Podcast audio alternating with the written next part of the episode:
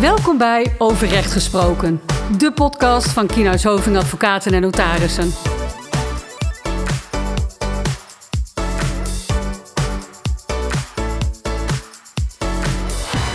Hij neemt op, de band draait. We gaan beginnen, Ilse. Leuk. Welkom bij een nieuwe podcast. Voor degene die de vorige podcast nog niet heeft geluisterd. Mijn naam is uh, Astrid Kiewiet, advocaat gezondheidsrecht bij Kienhuis Hoving. En uh, tegenover mij zit... Ilse van der Woude. Ik ben advocaat arbeidsrecht en uh, sociale zekerheidsrecht. En wij gaan vandaag iets heel leuks doen op, op het snijvlak van onze twee specialismen. Nou, heel leuk. Laten we de verwachting niet te hoog leggen.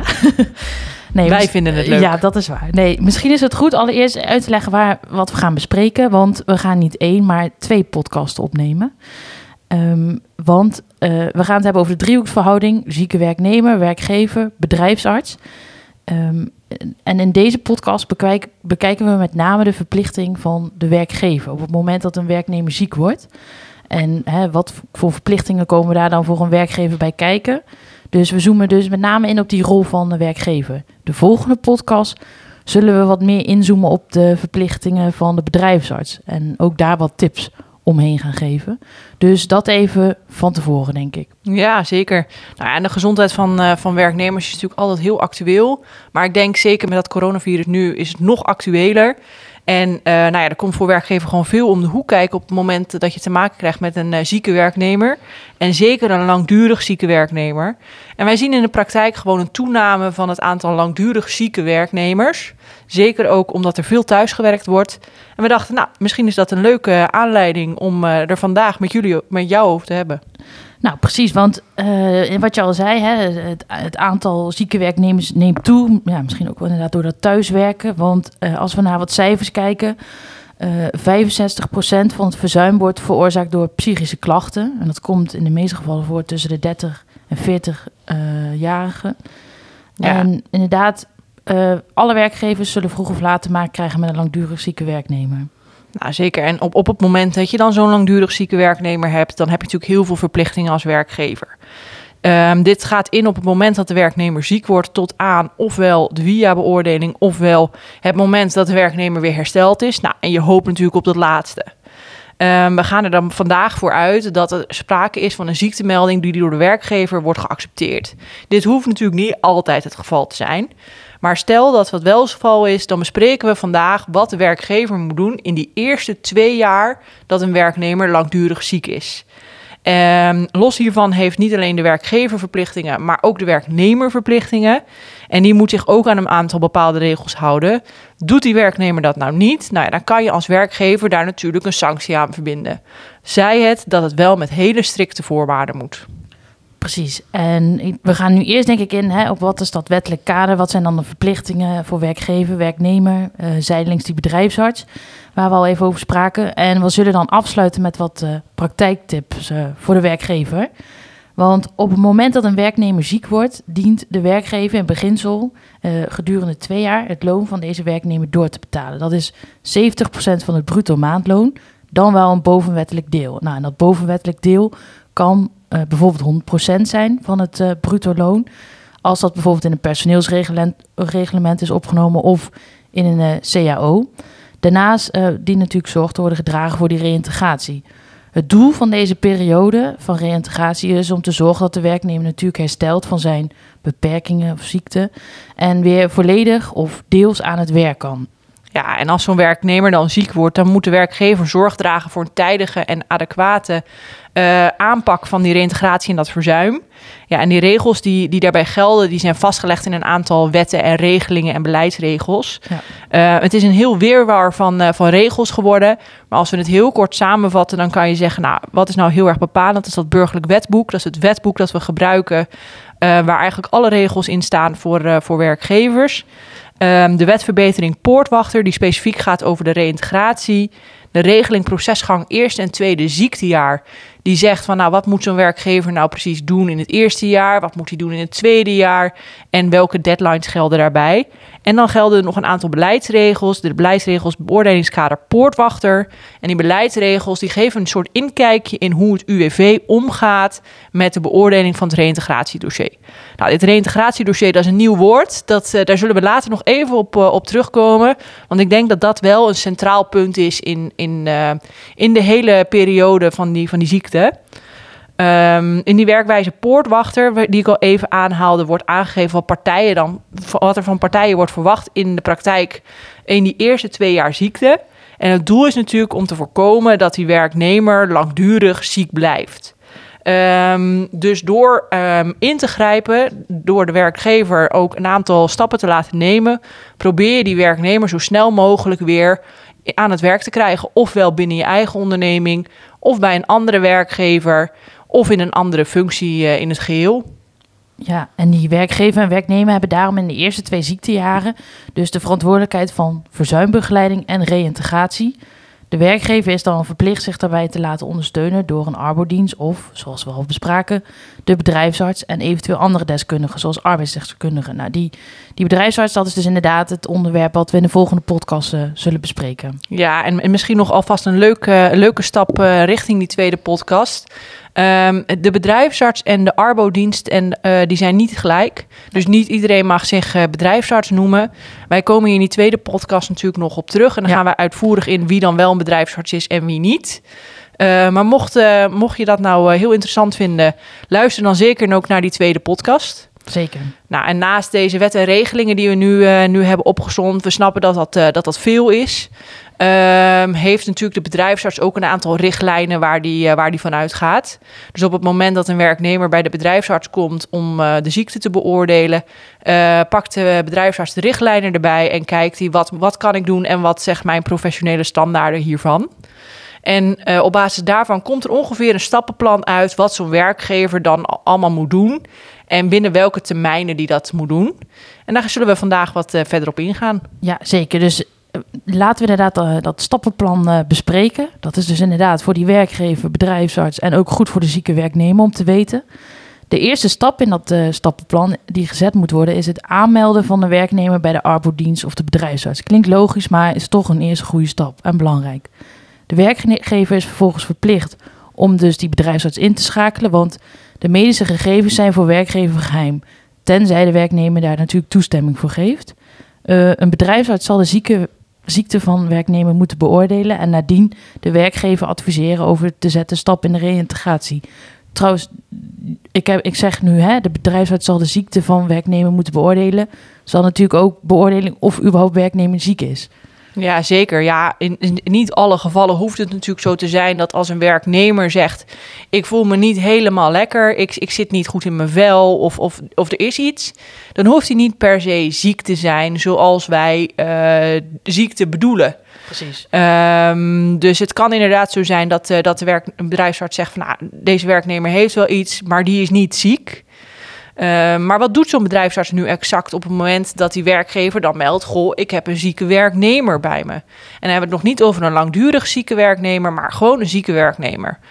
Nou, uh, allereerst stelt die bedrijfsarts een probleemanalyse op. En dit gebeurt uiterlijk in de zesde week van, van de ziekte van de werknemer.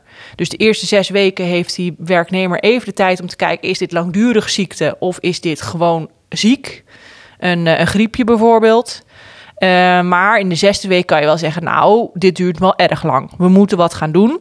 En dat, uh, dat gaat die bedrijfsarts dan doen. Die gaat uh, kijken in die probleemanalyse wat de beperkingen van de werknemer zijn. Of de werknemer überhaupt ziek is. En als die ziek is, wat de mogelijkheden zijn om weer tot werkhervatting te komen. Want dat zou natuurlijk wel het doel van de reintegratie moeten zijn. Nou, en als die bedrijfsarts dan de probleemanalyse heeft afgerond, dus dat is het medische oordeel van die bedrijfsarts, dan komt daar een advies uit.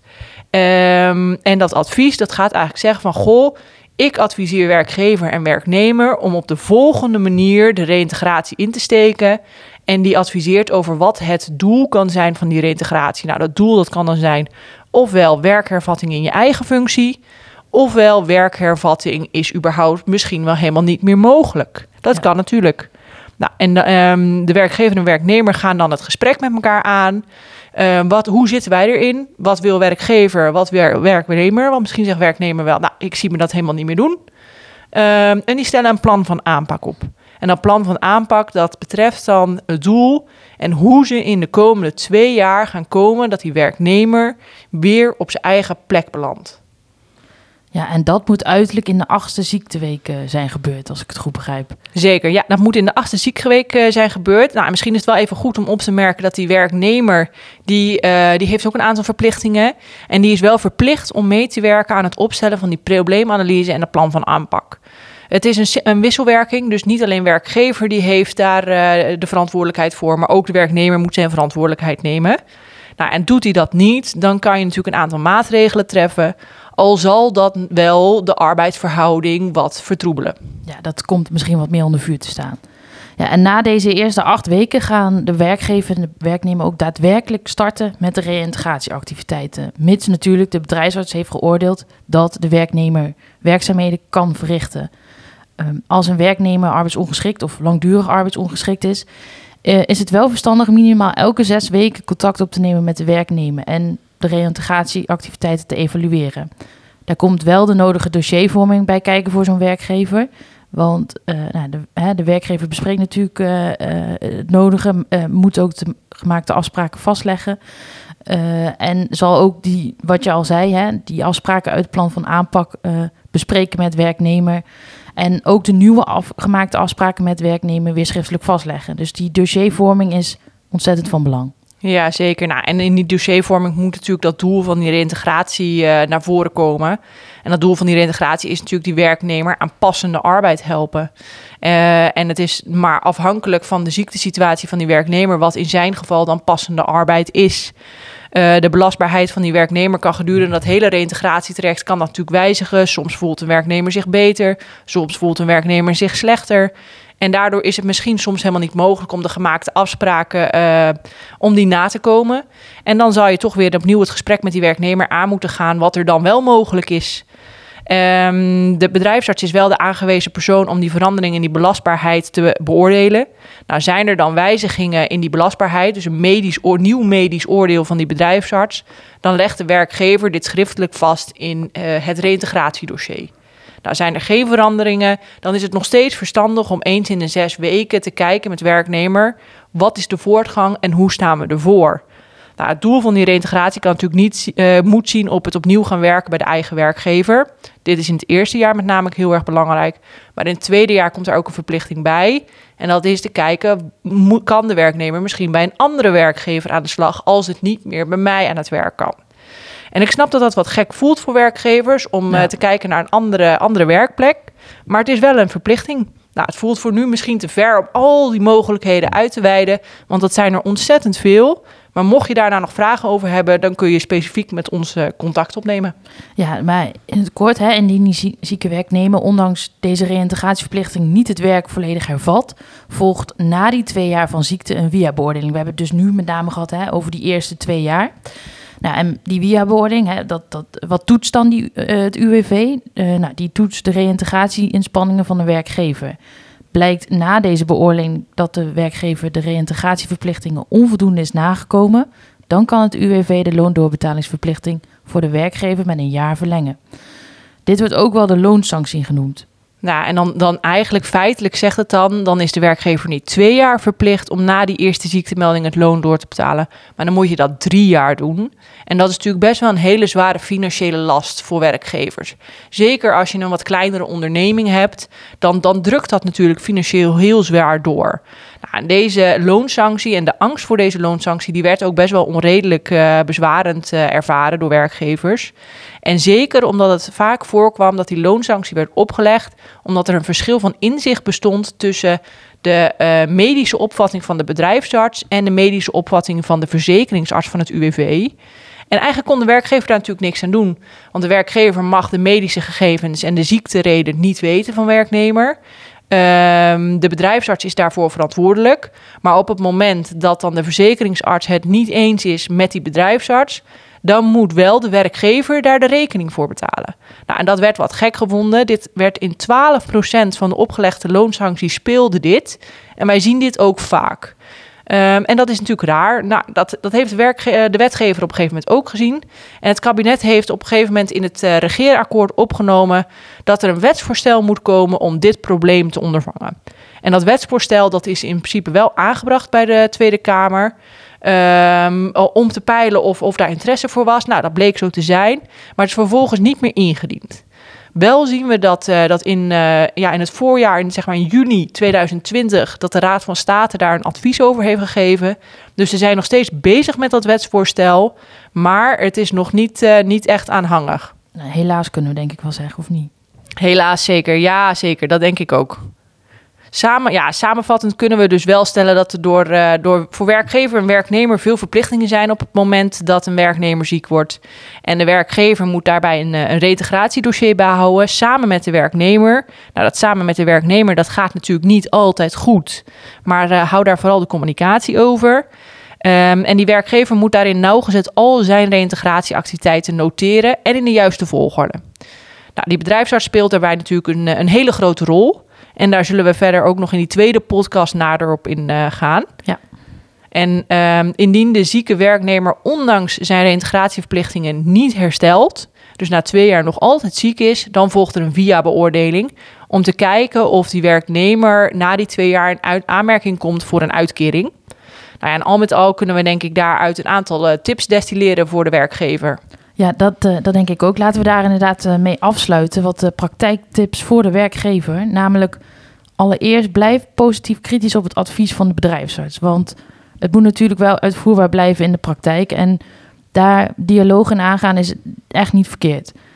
Um, de tweede tip die we denk ik kunnen opmaken is: maak bij het opstellen van het reïntegratiedossier gebruik van de formulieren van het UWV. Deze zijn makkelijk te vinden ook op het internet en is een goede leidraad om aan te houden. Uh, de derde tip die we kunnen meegeven is: uh, doe aan goede dossiervorming en communicatie. Ook als het misschien niet loopt zoals je had gewild of werknemer niet belastbaar is. Uh, die goede dossiervorming en communicatie is essentieel. En drink tijdig eens een kop koffie met elkaar. De, ja. Zal ik er nog één noemen? Ja hoor, doe ja? jij er nog één, dan doe ik die laatste. Ja, is goed. Die, uh, nou, een vierde tip. Uh, houd je aan de deadlines van het UWV, want deze zijn niet rekbaar en enorm strikt. Meld een werknemer dus ook op tijd ziek bij het UWV in de 42e ziekteweek. Ja, en dat is natuurlijk best wel heel belangrijk. Er gelden een aantal deadlines en die deadlines die, die moet je volgen. Precies. Dus of je het nou, uh, of je het nou leuk vindt of niet, het, het is niet altijd even functioneel, maar uh, hou er wel echt rekening mee. Ja. ja. misschien is het goed om af te sluiten met een, uh, met een, een vijfde tip als allerlaatst. En dat, dat zou vanuit onze kant zijn, denk ik. Zorg dat een werknemer zoveel mogelijk werkritme houdt. Al is het maar een aangepast werk. Op het moment dat een werknemer in een werkritme blijft, dan is de stap daarna terug naar het werk minder groot. Ja, en daarmee komen we denk ik wel aan het einde van deze podcast. Nou, wij vinden het hartstikke leuk dat jij naar ons hebt geluisterd. En mocht je nou meer willen weten over dit onderwerp, luister dan ook zeker onze volgende podcast. Die ook gaat over die verhouding tussen de werkgever en de bedrijfsarts in het reintegratietraject. Maar dan vanuit het oogpunt van de bedrijfsarts. En dat is echt een ander oogpunt. En die kijkt daar op een andere manier naar. Precies, maar voor ieder interessant in die driehoeksverhouding natuurlijk. Ja, zeker. Je hebt uh, met elkaar te maken en allemaal één doel. En dat is hè, die zieke werknemer zo snel mogelijk weer uh, volledig uh, in, uh, in te zetten. vond je het leuk? Ik vond het zeker leuk. Nou, kijk nou ik denk dat we het gewoon heel vaak gaan doen zo samen. Precies, op naar de tweede podcast. Uh, ik vergeet nog wel te zeggen, uh, vergeet je niet te abonneren op ons kanaal. Dat moeten we altijd als, nog even mee afsluiten. Um, en mocht je nog verzoeken hebben waar we het eens in een podcast over moeten hebben... mail gerust naar podcast.kinaushoving.nl podcast en volgens mij uh, kunnen we dan afronden. Zeker. Nou, ik denk uh, een mooie podcast, een mooi begin. En op naar de volgende. Precies. Nou, bedankt voor het luisteren in ieder geval. Dit was Overrecht Gesproken, de podcast van Kienhuis Hoving. Heb je vragen of wil je meer informatie? Stuur dan een e-mail naar podcast.kienhuishoving.nl Wil je niets missen? Abonneer je dan op onze podcast via jouw favoriete podcast-app.